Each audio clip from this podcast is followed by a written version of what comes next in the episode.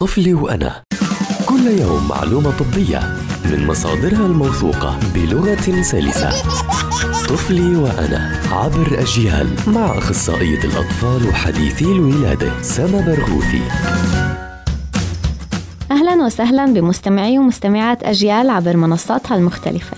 من الأمور المهم كتير نعرفها إنه العسل ممنوع إعطائه للطفل في عامه الأول ولا حتى تذويق أو وضعه على اللهاية العسل بيحتوي على بكتيريا ممكن تسبب للأطفال بهذا العمر مرض خطير يؤدي في بعض الحالات للشلل وبالتالي من الممنوعات المهم نعرفها كلنا في أول سنة العسل.